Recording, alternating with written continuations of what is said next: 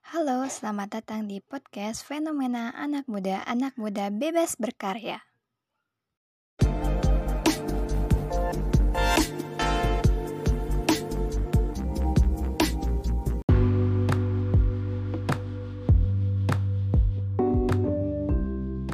Hai, perkenalkan nama aku Nabila Irhami. Salam kenal semuanya.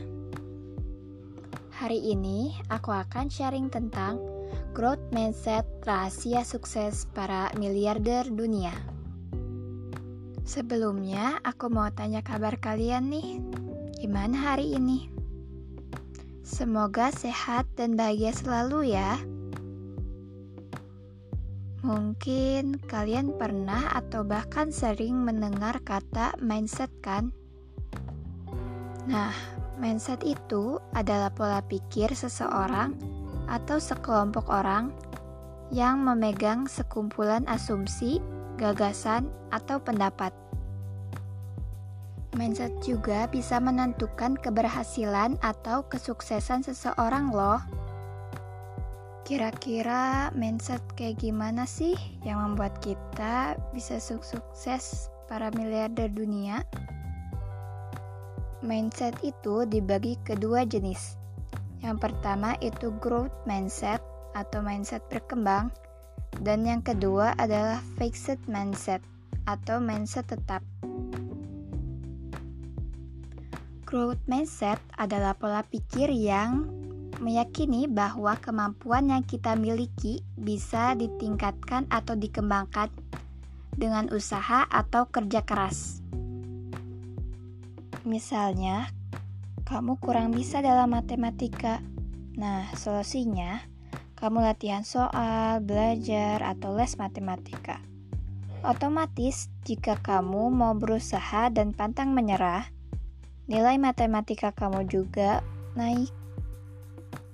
Mindset ini sesuai dengan pepatah orang pintar akan kalah dengan orang yang rajin.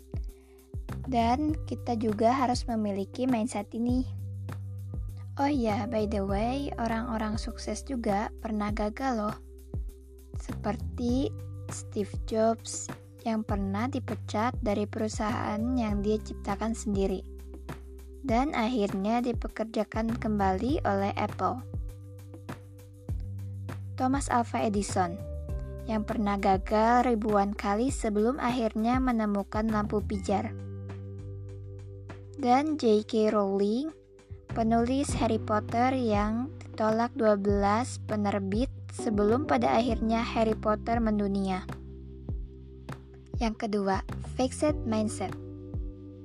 Fixed mindset adalah pola pikir yang meyakini kemampuan kita itu selamanya tidak bisa berkembang atau berubah. Misalnya, kamu nggak bisa menggambar karena kamu percaya dan udah dicap nggak bisa menggambar, akhirnya kamu tidak bisa melakukan usaha untuk berkembang. Ciri-ciri fixed mindset yang pertama, menghindari tantangan. Yang kedua, mudah menyerah. Yang ketiga, menyalahkan diri sendiri jika gagal. Dan yang keempat, tidak ada usaha dan mau insannya saja. Kalau ini ada di diri kamu, ini bahaya dan harus diubah. Sebaliknya, ciri-ciri growth mindset yaitu yang pertama, mau berubah menjadi lebih baik. Yang kedua, menerima diri sendiri. Yang ketiga, melihat kegagalan sebagai peluang untuk terus belajar. Dan yang keempat, fokus pada prosesnya. Yang kelima, rajin atau konsisten. Cara mengatasinya yaitu dengan afirmasi atau mengucapkan hal positif jika kita gagal. Seperti, "Oke, okay, aku akan belajar dari kesalahan ini." Dan tidak langsung menyalahkan diri sendiri. Selanjutnya, lakukan usaha dan rencana-rencana yang matang. Pantang menyerah, menerima dengan lapang dada, dan berfokus pada proses, bukan pada hasil. By the way, kalau kalian mau belajar lebih tentang mindset, kalian bisa beli buku Mindset karya Carol Dweck. Oke, mungkin segitu sharing dari aku. Semoga bermanfaat dan maaf apabila ada kesalahan dan kekurangan. Dan jangan lupa follow dan ikuti terus podcast Fenomena Anak Muda. Aku Nabila Irhami, sampai jumpa di episode podcast berikutnya. See you!